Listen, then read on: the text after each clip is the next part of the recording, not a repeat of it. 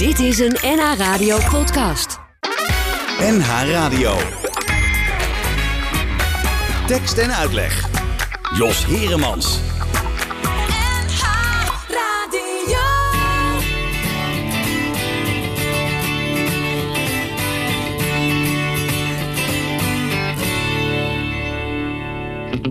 Ik hoop niet dat je denkt wat en wat je Omdat ik geen spatje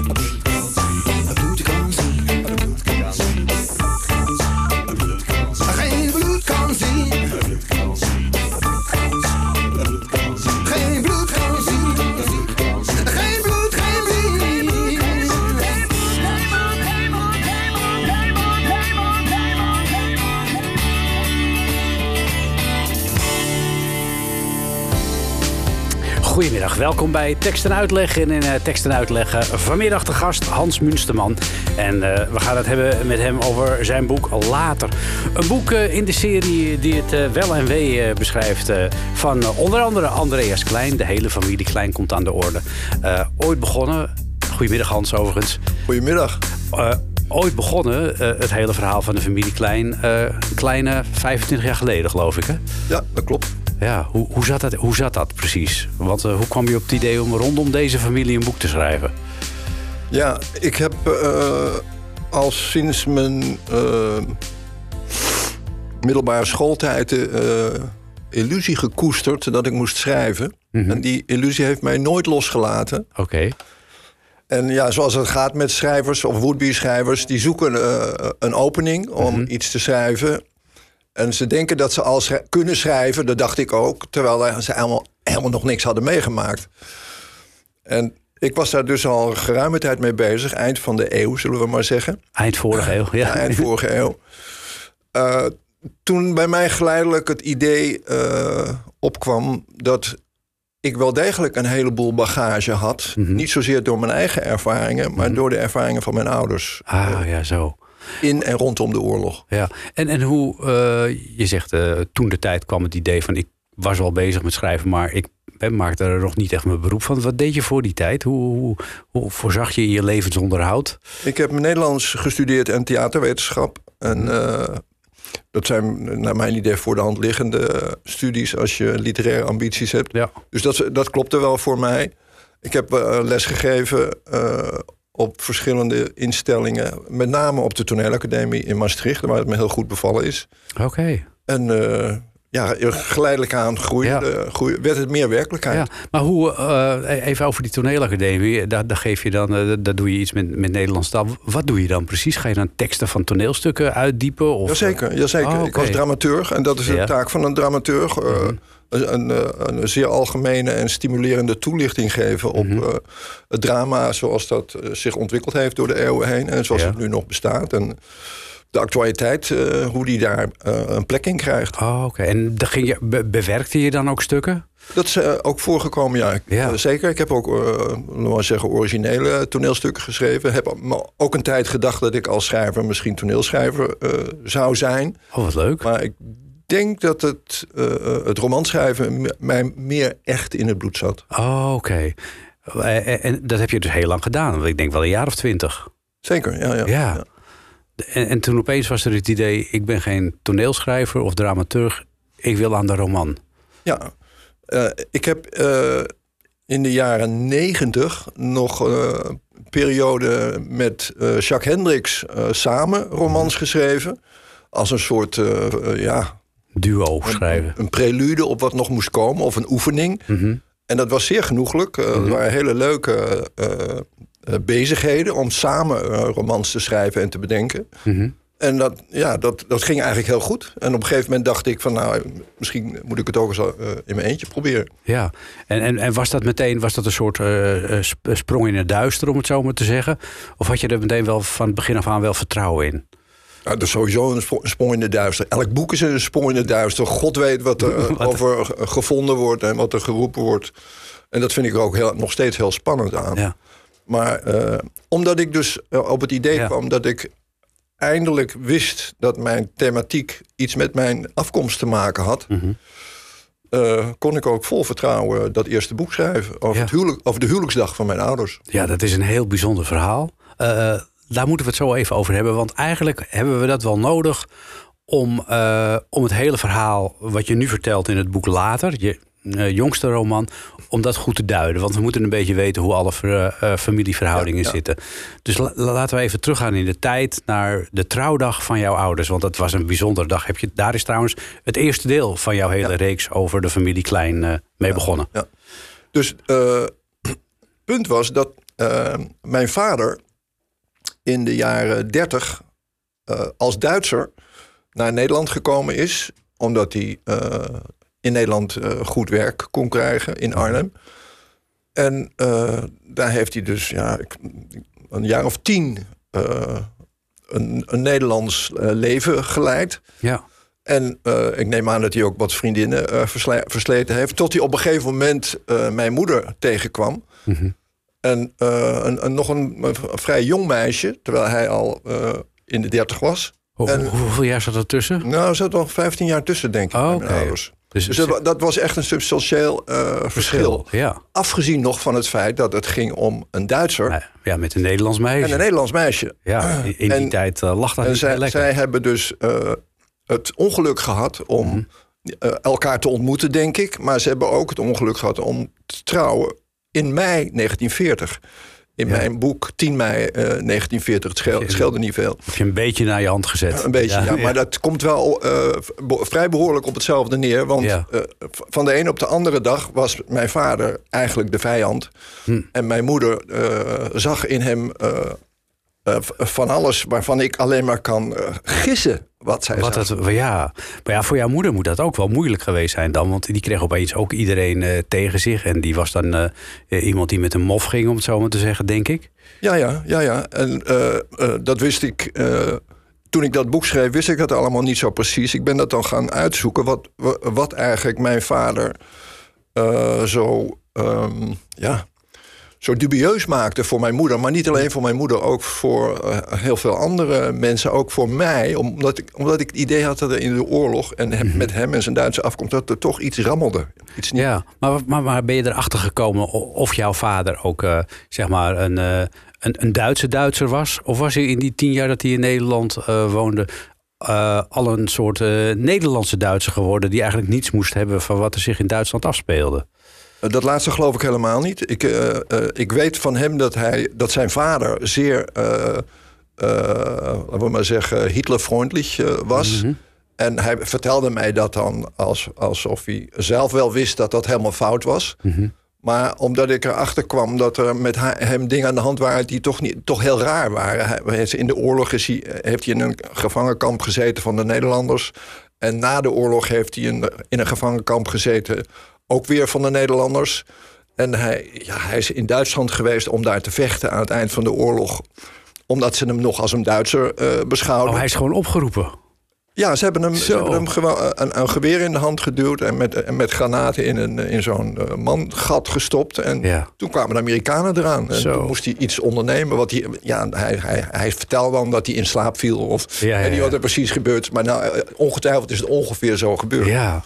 Maar al die dingen waren eigenlijk een, eh, eh, bedoeld om te verhullen... Mhm. wat zijn grote probleem was in de oorlog. Hij was namelijk, voor zover ik weet... Ja. eh, hij was directeur van de turnvereniging in, in Arnhem. Mhm. En men heeft blijkbaar aan hem gezegd in de oorlog... dat hij, als hij daar directeur wilde blijven... dat hij dan lid moest worden van de NSB. Aha. Nou, ik zou denken van, nou, dat doe je natuurlijk niet. Nee. Ja, jij bent Maar blijkbaar, Duitser. maar blijkbaar was hij het wel. Ja, hij was eh, blijkbaar eh, NSB'er eh, Ja. tijdens de oorlog. Mhm. En ho- hoe, die, hoe die erachter gekomen is dat dat zo moest zijn... of wanneer dat nou precies gebeurd is... heb ik nooit goed kunnen achterhalen. Ik ben bij oorlogsdocumentatie geweest op een gegeven moment... om, om het precies te weten. Ja. En zij zeiden van ja, dat heeft hoogstwaarschijnlijk iets te maken met zijn, met zijn sportieve achtergrond. En Mhm. Dat ze hem onder druk gezet hebben. Maar of ik het moet geloven, dat weet ik niet. Dat weet je dus niet. Heb je jouw vader nog uitgebreid kunnen spreken over die tijd? of, of was je daar te laat voor? Nee, ik heb, ik heb dat niet. eh, hij is in, in 78 overleden. Mhm. En eh, ik heb altijd gedacht dat mijn vader zuiver op de gaat was. eh, Mhm. maar ik, blijkbaar heb ik me voor een deel vergist. Ja, want er werd niet over gesproken thuis. Nee, nee. Ik, eh, later achterhaalde ik ook dat de reden waarom zij vanuit Arnhem naar Amsterdam verhuisde, Mhm.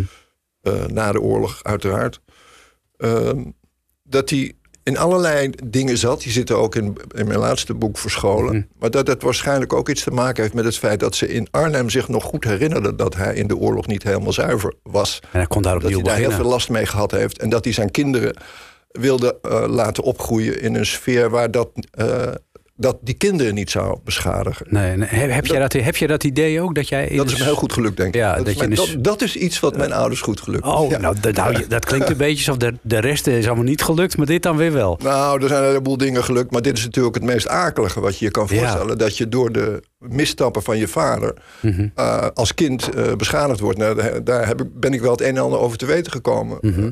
Ja, van de andere kant eh, ben je zelf een nieuw individu in. Zou je eigenlijk het recht moeten hebben om met een schone lei te kunnen beginnen en daar niet op aangekeken te worden. Ja, ja, tuurlijk. Maar dat zijn mooie woorden. En Mhm. het- veel mensen hebben de pech, eh, allerlei mensen, dat- Mhm. dat er van alles misgaat eh, waar ze niets, eh, waar ze part nog deel aan hebben. Ja. En hoe is jouw moeder die tijd in de oorlog doorgekomen? Want die, die, die, die, jouw vader was dus op dat moment directeur van de, van, de, van de turnclub. Maar hij, was ook, hij moest ook vechten aan het front. En onder, wat deed jouw moeder in die tussentijd? Ja, mijn moeder die zat in een mooi huis in Ede na dat huwelijk in mei 1940. En de eerste paar jaar ging dat allemaal goed, denk ik. Mhm. Omdat eh, het, het leek alsof er een nieuwe wereldorde was eh, eh, begonnen. Ja. Maar in het midden van de oorlog ging dat natuurlijk allemaal kenteren. En Ja. gingen mensen ook denken Ja. van ja, hoe moeten we ons hiertoe verhouden? En dat, dat is bij mijn moeder denk ik ook gebeurd. En die heeft zich waarschijnlijk tijdens de oorlog al afgevraagd... hoe moet dit verder? Want als, als, als Duitsland eh, die oorlog niet wint... dan eh, gaat, gaat het allemaal heel anders lopen. Ja. Mijn moeder heeft allerlei pogingen gedaan om te ontsnappen, zal ik maar zeggen. Te ontsnappen aan de Duitsers of te ontsnappen aan je huwelijk- vader? aan het huwelijk. Uit het Aan het huwelijk. huwelijk, ja. En, eh, Daar heb je ook een deel van je boek over geschreven. Je moet niet denken dat ik terugkom. Nee, ik moet toch dat juist, ik altijd bij je blijf. Ja, ja, ik, ga hem juist citeren, ik ga hem nu juist citeren. Je moet niet denken dat ik altijd bij je blijf. Ja. Ja. Dus ja, eh, ik ben er niet bij geweest. Ik probeer het alleen maar te reconstrueren in romanvorm. Maar ik weet, ik weet dat mijn moeder eh, enorm geleden eh, moet hebben... onder die druk van de politieke situatie en, de, en de, het gedrag van mijn vader. ja. Maar die kon er niet aan, aan ontkomen... omdat ze ook de druk van haar eigen familie voelde. Ze had kinderen en ze, als ze weg zou gaan... dan zou ze haar gezin in de steek laten. Ja. En dat was echt, echt not done, zeker toen niet. Nee, maar ze overwoog het wel. Eh, ja, ja, en er zijn ook allerlei incidenten geweest waar wij, waarvan wij de eh, pre- precieze eh, informatie niet, niet kennen. Maar Nee. Ja, maar, maar ja, het- blijft. dan- Ben je er uiteindelijk, zeg maar, wel achter gekomen hoe het grotendeels zit? En, en kun je daar enigszins vrede mee hebben? Of blijf je doorgraven? nee, ik heb daar vrede mee. Ik heb, ik heb bij alle eh, eh, nare dingen die er gebeurd zijn en die mensen ervaren hebben, heb ik met mijn ouders eigenlijk vooral, eh, ja, hoe noem je dat? Eh, medelijden, Hm. sympathie. Ik, eh, ze zijn slachtoffer geweest van van alles en nog wat en Ja. van hun eigen beperkingen. Ja. Je hebt er geen last van gehad. Nee, helemaal niet. Nee. Nee. ik heb, je, je zou beter kunnen zeggen dat al die, eh, die, die, ja, die drassige en drekkige dingen... dat die Mhm. mij hebben eh, als een soort vruchtbare bodem hebben gefunctioneerd... om menselijk leven te beschrijven, Ja. zoals het was. Ja. Ja. Je zei je vader was overleden in 1978. Ja. Jouw moeder was een stuk jonger. Ja. Neem aan dat hij dan... ook- Ja, ik zou denken, dan is hij ook veel later overleden. Die is in 2003 overleden. Ja. Ja. Vertelde hij meer over deze tijd dan je vader? Heb je uit haar nog heel Mijn veel... moeder zat potdicht. Maar echt potdicht. Zo. Eh, ik heb het één keer geprobeerd en zij heeft het toen ook geprobeerd. Eh, naar aanleiding ook van de roman die ik later over haar schreef, eh, De Bekoring. Mhm. Waarin het gaat over een moment, eh, veel later, dat ze echt haar familie in de steek, haar kinderen in de steek liet. Mhm. Dat ze het echt niet meer verdroeg. En toen, had ze, toen had ze het idee dat ze, dat ze daar nog eens eerlijk op terug moest komen. Mhm. Op die, die tijd dat ze haar kinderen in de steek liet. Dus ze liet vijf kinderen, eh, jonge kinderen, allemaal in de steek en ging er vandoor. Met tram 24. Hm? Met tram 24. Ja, In jouw ja, boek. Ja. en, eh, dus dus wij, wij zaten bij elkaar. En zij was eh, ja, rond de tachtig, denk ik. en het enige wat ik merkte is dat ze dat niet kon. Dat ze, Mm. ze, ze kon het alleen maar bagatelliseren. Ze kon er niet... dus ik heb haar verder er ook niet lastig over gevonden. Nee. Ik, ik ben geen rechter of zo. Die in nee, maar je zou kunnen eh, proberen nog meer verhalen los te, eh, te krijgen. En te zoeken naar argumentatie of omstandigheden die, die, eh, waarin zij op dat moment verkeren. Ja, dat heb ik wel gedaan. Het, eh, eh, de- inderdaad, om de, de, het dagelijks leven. Ja. Hè? Dus eh, de plekken waar ze woonden. Dus ze zijn voor een deel van de oorlog zijn ze ook naar Duitsland eh, vertrokken, omdat ze het in Nederland niet meer verdroegen. Toen, do- toen woonden ze in eh, Dortmund. En dan, ze beschreef wel wat, hoe dat was om aan het einde van de oorlog in Dortmund te wonen. Dat Dortmund gebombardeerd werd en dat ze daar met- haar kinderen steeds naar de schuilkelders moest eh, rennen. Eh, dat soort dingen, ja. Ja. Een wonderlijke familie kom je uit, dat kun je wel zeggen, toch? Of zou je Vind het ik ook, ja. Ja, ja, en, eh, maar goed, dat geeft wel weer stof tot eh, heel veel eh, literaire inspiratie. En het laatste boek voor jou is dus later. Ik denk niet dat dit het laatste boek is over de familie Klein. Heb ik zo'n voorgevoel van. Straks duiken we dieper in de materie. En wat er in dit boek precies zich afspeelt. Want dat is juist weer de verhouding tussen twee broers. Maar we gaan eerst naar Stef Bos.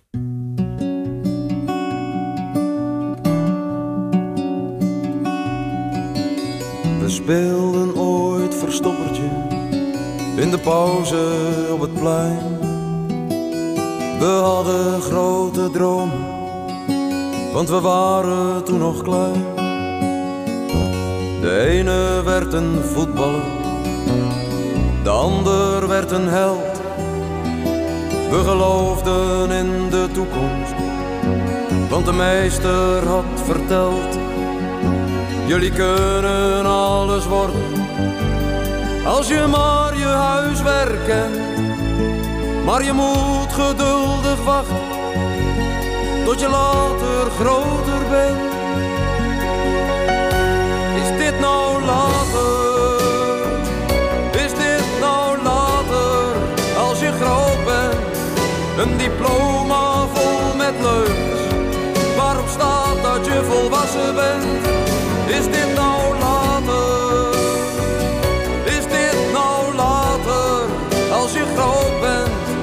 Snap geen donder van het leven.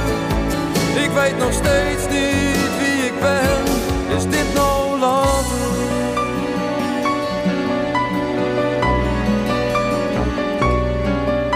We spelen nog niet meer op het plein. En de meesten zijn geworden wat ze toen niet wilden zijn. We zijn allemaal volwassen. Wie niet weg is, is gezien. En ik zou die hele chaos nu toch helder moeten zien. Maar ik zie geen hand voor ogen. En het donker maakt me bang. Mama, mama, kan het licht aan op de gang? Is dit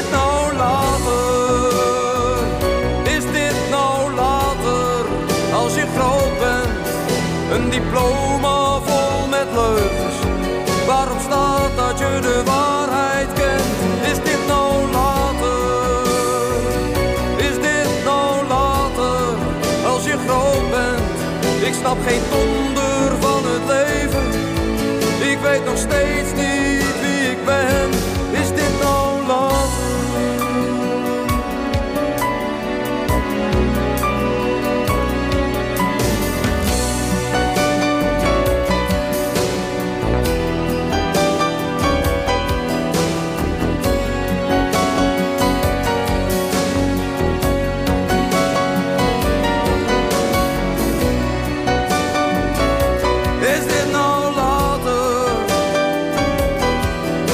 Geen donder van het leven. Ik weet nog steeds niet wie ik ben.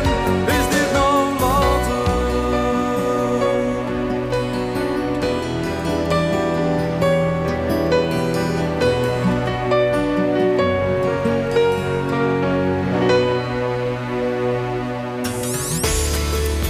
Tekst, tekst, tekst. En, en uitleg.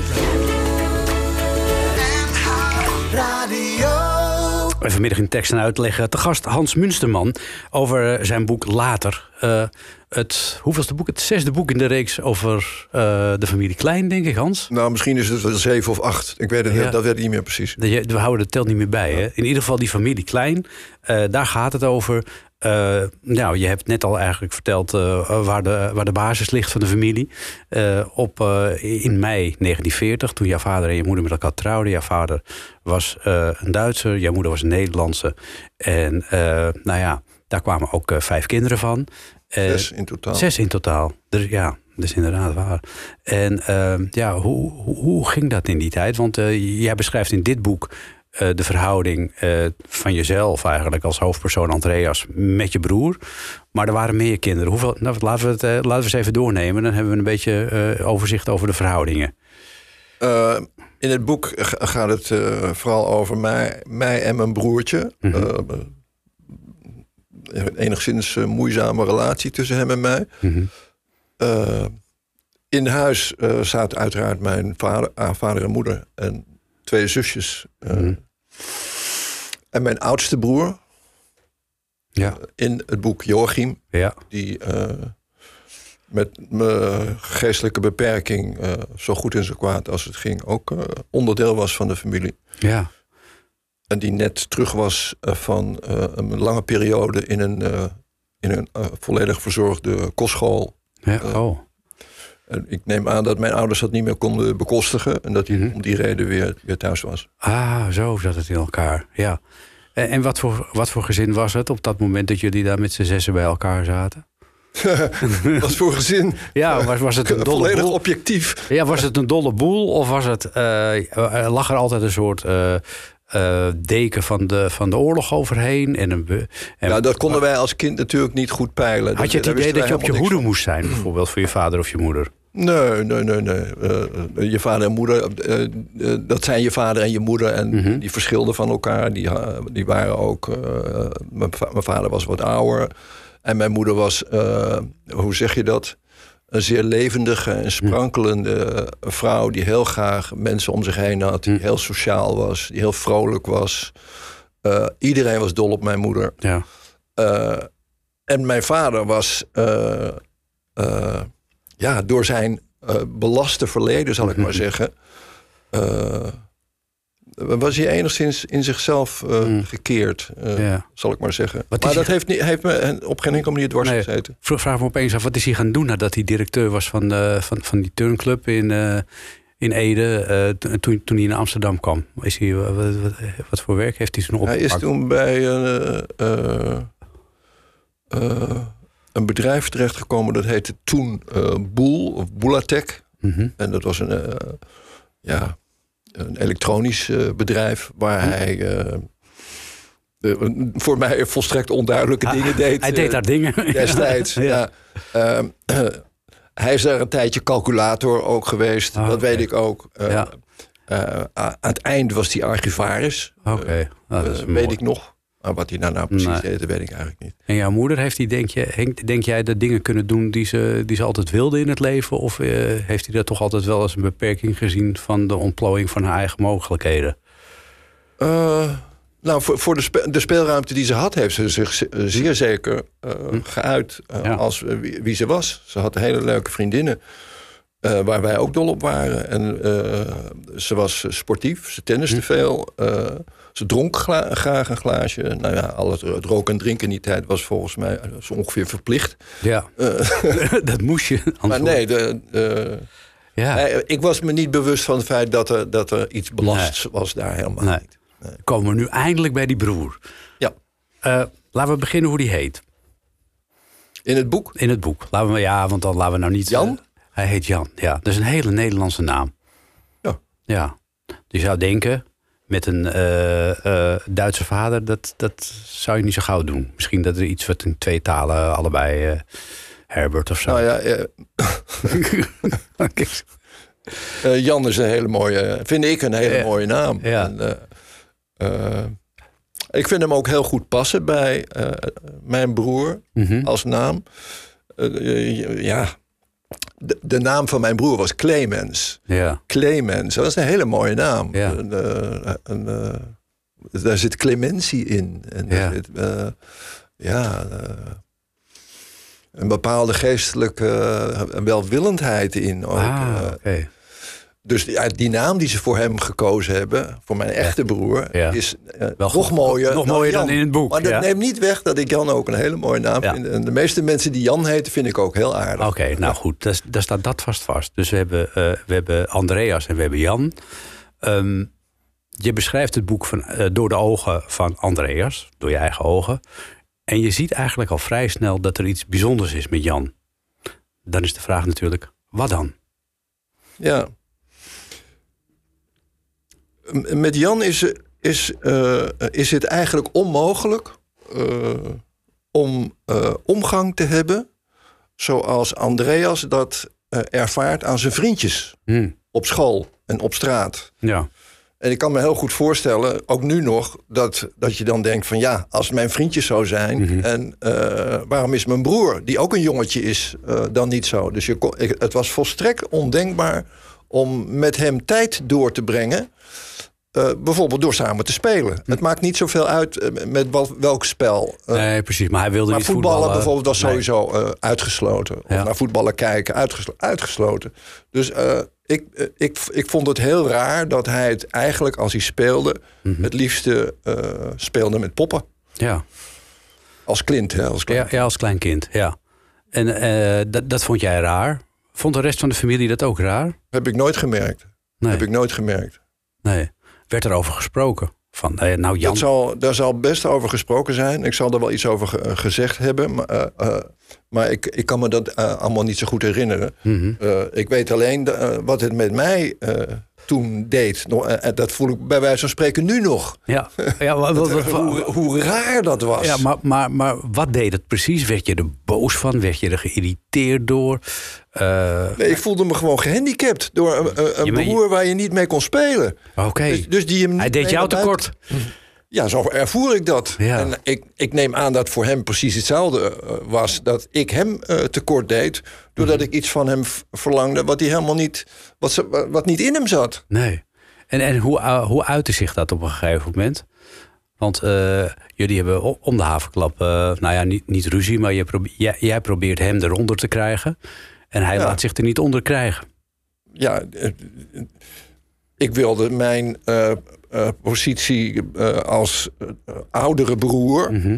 die zijn jongere broer, de, als het ware, de weg wijst Ja, in het ja, leven. Ja. Wat voor leuke dingen er op je liggen te wachten. Ja, precies. Nou, die lagen helemaal niet op hem te wachten, want dat had helemaal geen zin in. Nee, want jij wilde hem wel meenemen in het stadion en weet ik veel allemaal. Maar En dat, dat, ja, dat leidde tot allerlei vrevel en frictie en Ja. knokpartijen. ja. En, hoe- die knokpartijen die hielden zichzelf ook in stand. Omdat eh, de- dat leidde niet daarna tot een verzoening... Mhm. waarbij je zei van nou laten we nu fijn gaan spelen. Want er, er was niks te spelen voor Nee, ons. want dan begon het weer opnieuw eigenlijk. Ja, ja. Het herhaalde zich steeds en eh, eigenlijk werd het ook steeds erger. Eh, je hoort in dat soort gevallen vaak dat eh, degene die dan zeg maar uit zijn irritatie uit door middel van eh, knokpartijen, dat die eh, de schuld krijgt van de moeder. Was dat in jullie geval ook zo? Dat, eh, dat het kleine broertje in bescherming werd genomen en dat jij. eh, Oh ja, ongetwijfeld. ongetwijfeld. Andreas, hou nou eens op. Dat kon ik wel eh, aanvaarden en begrijpen. En niet dat ik het prettig vond, Mhm. natuurlijk. Want ik, ik vond dat hij schuldig was. Ja. Hij was de schuldige. ja, maar terwijl hij er niks aan kon doen, hè? Nee, natuurlijk niet. Nee. Ja, jeetje. Wat even. Nou ja, dat bouwt zich dus steeds op. Jij hebt eigenlijk dagelijks een soort wanverhouding met je broer. Ehm, en dan komt er op een gegeven moment een dag. En over die dag gaan we het straks hebben. Want we gaan eerst luisteren naar de kinderballade van Boudewijn de Groot.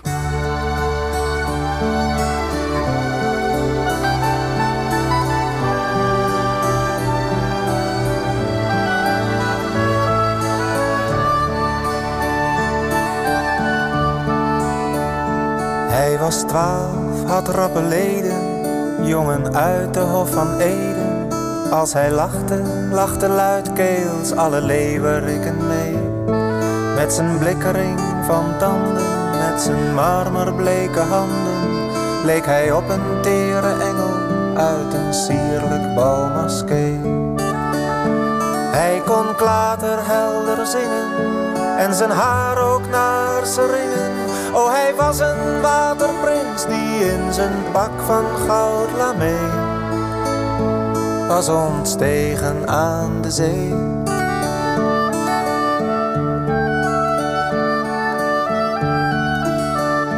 Zij was dertien, een gazelle, en haar naam was Annabelle. Annabelle noemde haar zowel de hinde als het ree. Met haar helder rode wangen, met haar glinsterende spangen, leek zij in haar gazen bruidsjurk meest nog op een tovervee. Blauw waren haar vreemde ogen, blauw maar zonder mededogen. O, ze was een kleine meermin, die maar net van lieverlee was ontstegen aan de zee. Samen in het ochtendgloren wandelden ze langs het koren. Mild en zonder ze te storen scheen het zonlicht naar beneden. En onder de roze stralen kuste hij haar lippen dralend. En hij zei haar wonderwoorden, zelfs het gras luisterde mee. Op het horen van die woorden week voor hen gedwee het koren. En het lispelde, wees welkom en bood doorgang aan de twee. Zoals eens de Rode Zee.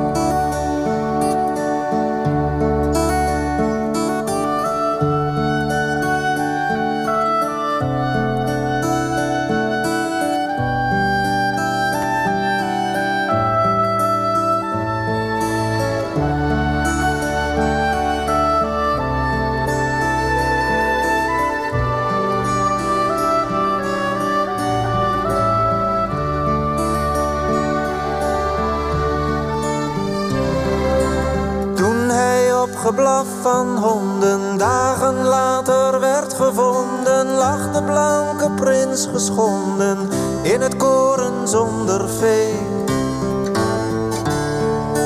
Met zijn dode grote ogen keek hij roerloos naar omhoog en langzaam ritselde zijn bloed nog uit een gruwelijke snee.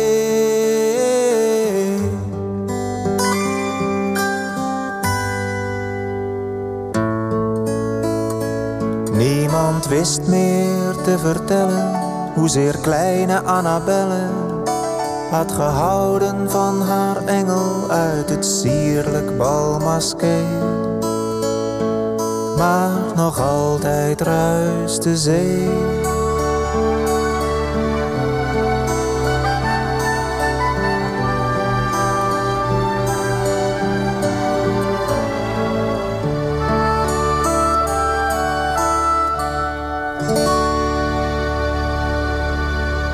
De tekst is eh, van eh, Gerrit eh, Komrij. Eh, De muziek is van Boudewijn de Groot.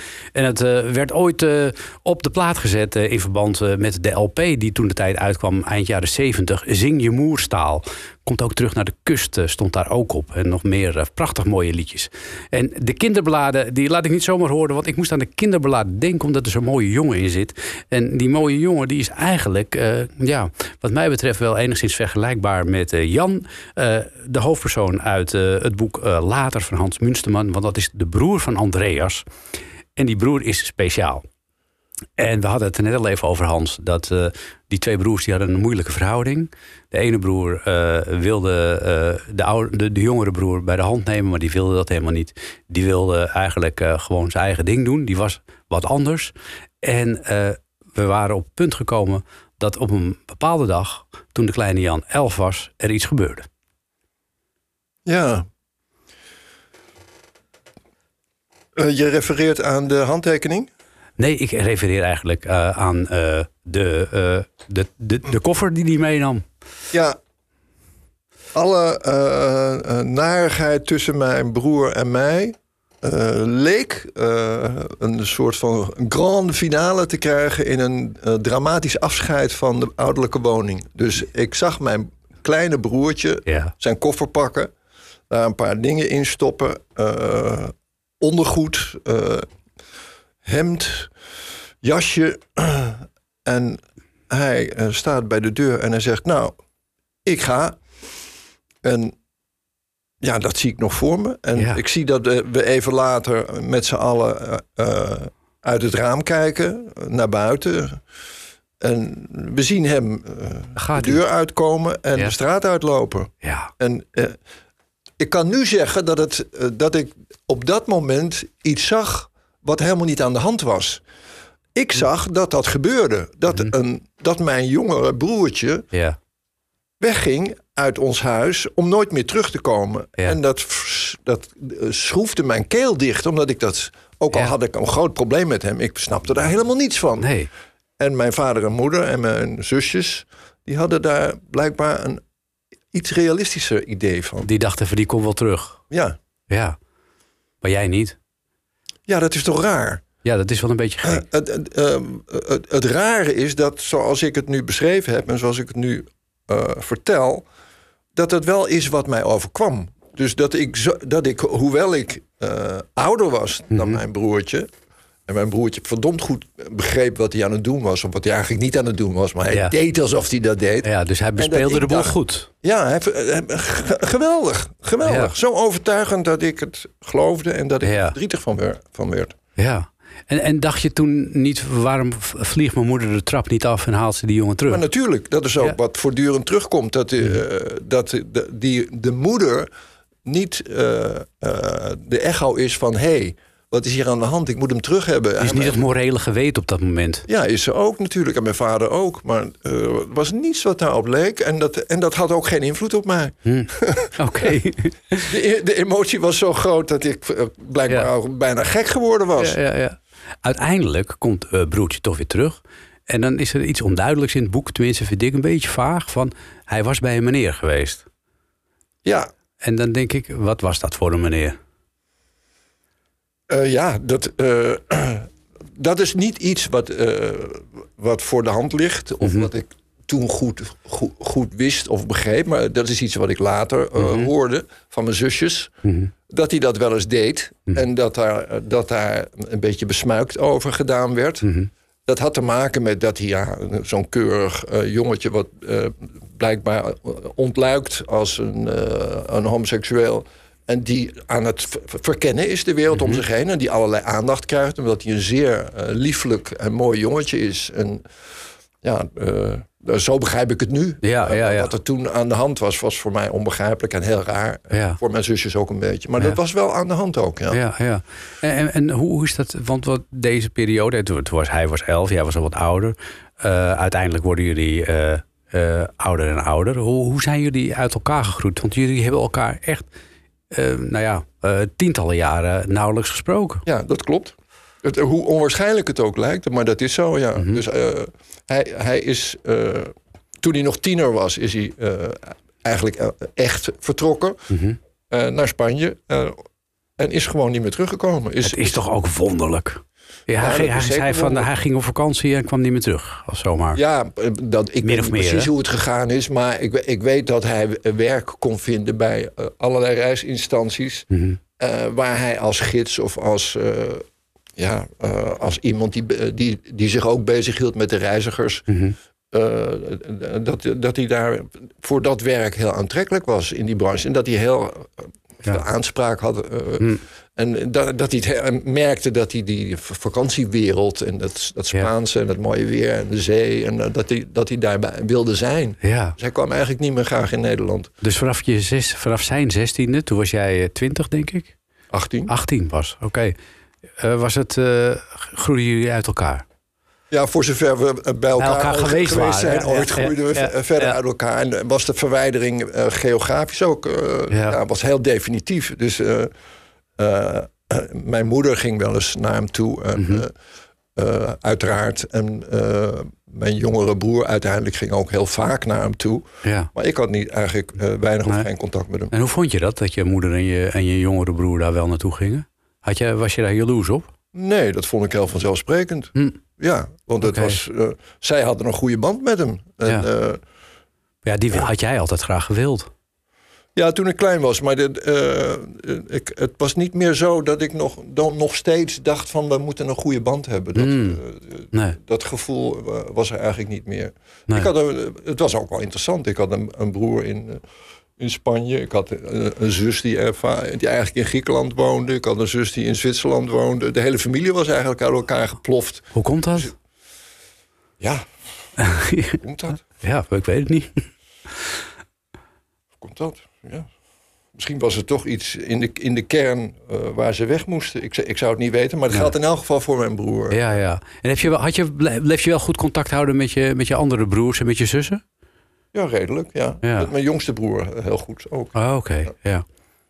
Er komt in het boek een moment dat jullie ook weer met elkaar in contact komen. Zou je dat kunnen beschrijven hoe dat ging? Ja, dus na eh, tientallen jaren eh, dat ik hem eigenlijk alleen eh, incidenteel tegenkwam op, op Mhm. familiegebeurtenissen. Mhm. En dat was nooit onaangenaam of zo. De, dus de, de, de, de rare fricties van onze vroegste jeugd, die, die, die waren er niet meer. We Nee. waren allebei volwassen geworden. Ja. Maar ik dacht niet dat er, dat er voor hem ooit aanleiding zou zijn om op zijn oude dag Contact met jou mij op te richten Nee. met een heel speciaal en zeer persoonlijk verzoek. Ja. Dus, en, maar dat deed hij wel. Dus hij, eh, ik wist dat hij ziek was en hij, eh, hij, hij zocht contact met mij om, om me iets te vragen. Mhm. eh, iets wat te maken had met zijn ziekte en zijn, de Mhm. uitzichtloosheid van zijn ziekte. Dus hij vroeg mij om executeur testamentair te zijn, Mhm. tot mijn stomme verbazing. Misschien ook wel omdat je eh, heel eh, objectief kon zijn dan. Want je stond er zo ver vanaf. Misschien minder betrokken dan je moeder of je broer. Nou ja, je moeder was al overleden natuurlijk toen. Eh, ja, ja, het kan allemaal. Ehm, Heeft hij dat uitgelegd of niet? Nee, dat heeft hij niet uitgelegd. Hij heeft alleen maar gezegd dat hij, dat hij dacht dat ik misschien voor het ceremoniële gedeelte van zijn afscheid van het leven een rol zou kunnen spelen. Want ik zei meteen tegen hem van ja, ik heb geen verstand van eh, notariële kwesties. Mhm. Eh, maar ik heb gezegd van ja, ik wil me daar, eh, ik wil me wel proberen zoveel mogelijk daar, daar daarmee bezig te houden. En, en omdat hij ook aan mijn andere broer, mijn jongste broer, dezelfde vraag had gesteld, Ja, want jullie zijn samen daar naartoe gegaan. was het voor mij ook veel makkelijker om te zeggen van nou, samen gaat, gaat ons dat wel lukken. Ja, want het is opmerkelijk dat zowel bij zijn huwelijk als bij zijn overlijden hebben jullie contact. Jij spreekt zelfs nog eh, bij zijn huwelijk. Ja. En eh, dat is best opmerkelijk als je elkaar zo lang niet ziet. Maar bij zo'n eh, ultieme gelegenheid gebeurt het dan wel. Ja, Heb je daarover moeten nadenken? Om dat wel of niet te doen? ongetwijfeld. Maar ik heb, ik, ik heb op dat moment gemerkt dat niemand het deed. Hm. Dus niemand wilde namens de familie eh, iets, iets zeggen. Dat vind ik dan ook wel weer Dat was, gek. niet- dat was overigens bij het overlijden van de, de echtgenoot van mijn broer. Dus dat was, Oh, pardon. Ja, was, was, ja dat was eerder. Ja. was al veel later. Ja. En toen, toen was het ook niet meer zo heel erg Hm. donker tussen ons. Hm, oh, Oké. En omdat niemand dat wou en omdat we daar waren, eh, dacht ik bij mezelf: ja, maar ik, ik, ik moet toch iets zeggen. Ik, Ja. eh, en ja, ja, en liefst in het Spaans. Nou ja, Ook dat nog. Ja, dus nou ja, dat is natuurlijk een enorm gehakkel geweest, maar ik heb het gedaan. En, eh, ik, en naar mijn eh, idee vonden ze dat eh, toch bijzonder dat ik dat Ja. eh, probeerde. Ja. Je wordt uiteindelijk ook inderdaad executeur testamentair. Eh, jouw broer geeft in het boek ook aan dat hij heel graag nog iets wil zeggen tegen jou en tegen je broer. Ja. Komt, komt dat er ook van?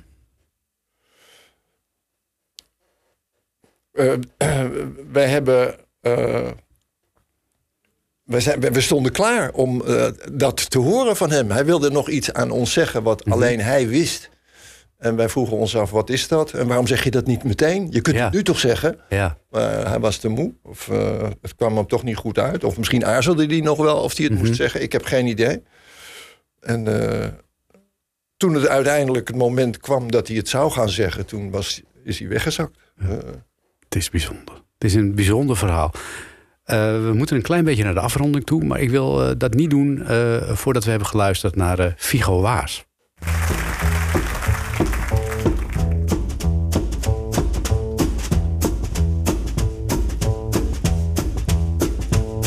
Hey broer, laten wij weer eens op de step de dijk afgaan.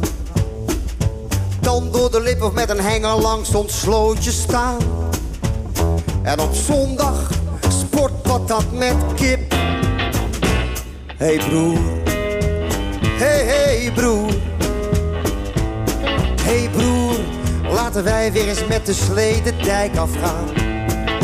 Huilend van de kou op het dakje van de school gaan staan. Naar beneden klimmen met een uit de pauw gestolen touw. Hey broer. Hey broer.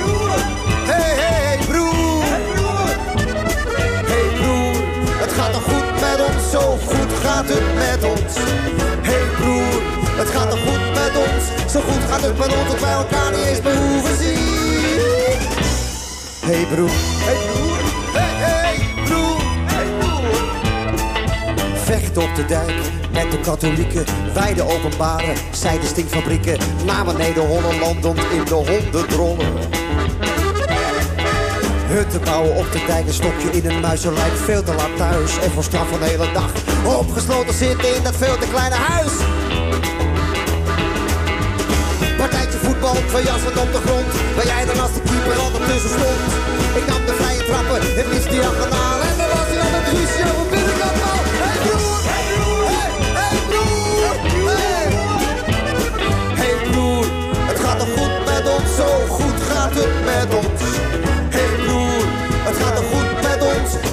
Het met ons dat wij niet eens meer hoeven zien.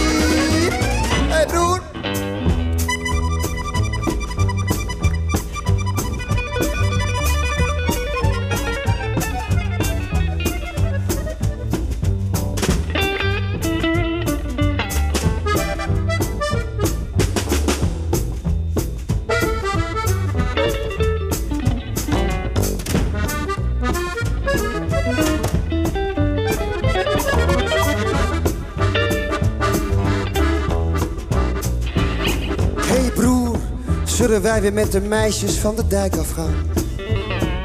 De meisjes van wie ik altijd wakker lag. Jij zei dan met zo'n vreemde lach. Eens komt jouw dag.